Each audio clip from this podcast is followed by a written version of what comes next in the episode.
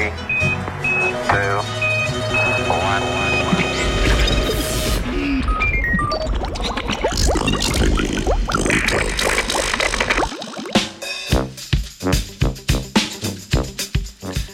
Svetleči salamandri.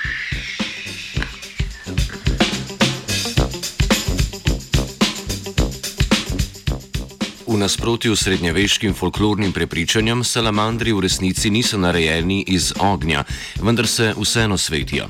Raziskovalna ekipa iz Univerze v Minnesoti je pokazala, da je bioluminiscenca razširjen pojav pri številnih dvoživkah.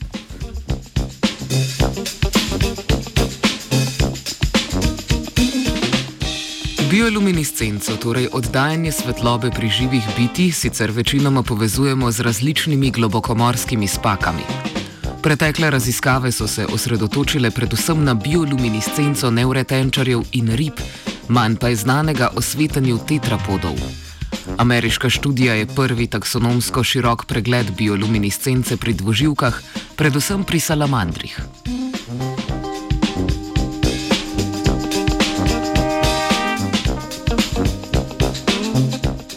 V raziskavo so bili vključeni predstavniki 14 družin močeradov, žab ter sleporilov.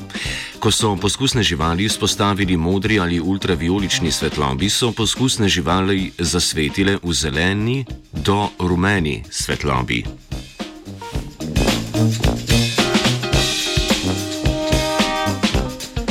Vzorci bioluminiscence so se močno razlikovali med različnimi skupinami dvoživk, najmočnejša pa je bila pri živalih s svetlimi pigmenti. Pri številnih dvoživkah je močneje svetila tudi trebušna stran ter predel okoli kloake, v nekaterih primerjih pa so pod kožo svetile same kosti.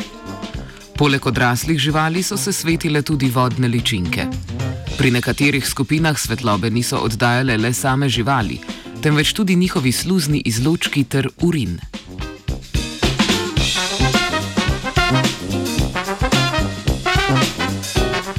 Ker je bila bioluminiscenca odkrita tako pri salamandrih, kot tudi pri žabah in sleporilih, raziskovalci in raziskovalke sklepajo, da se je ta pojav pojavil zgodaj v evolucijski zgodovini dvoživk.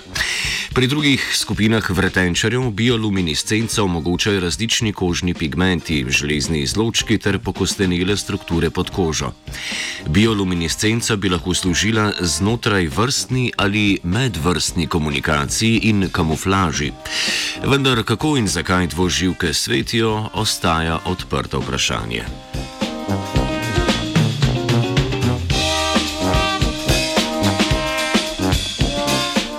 Ob bioluminiscenčnih salamandrih so se oči svetile bronji. Three,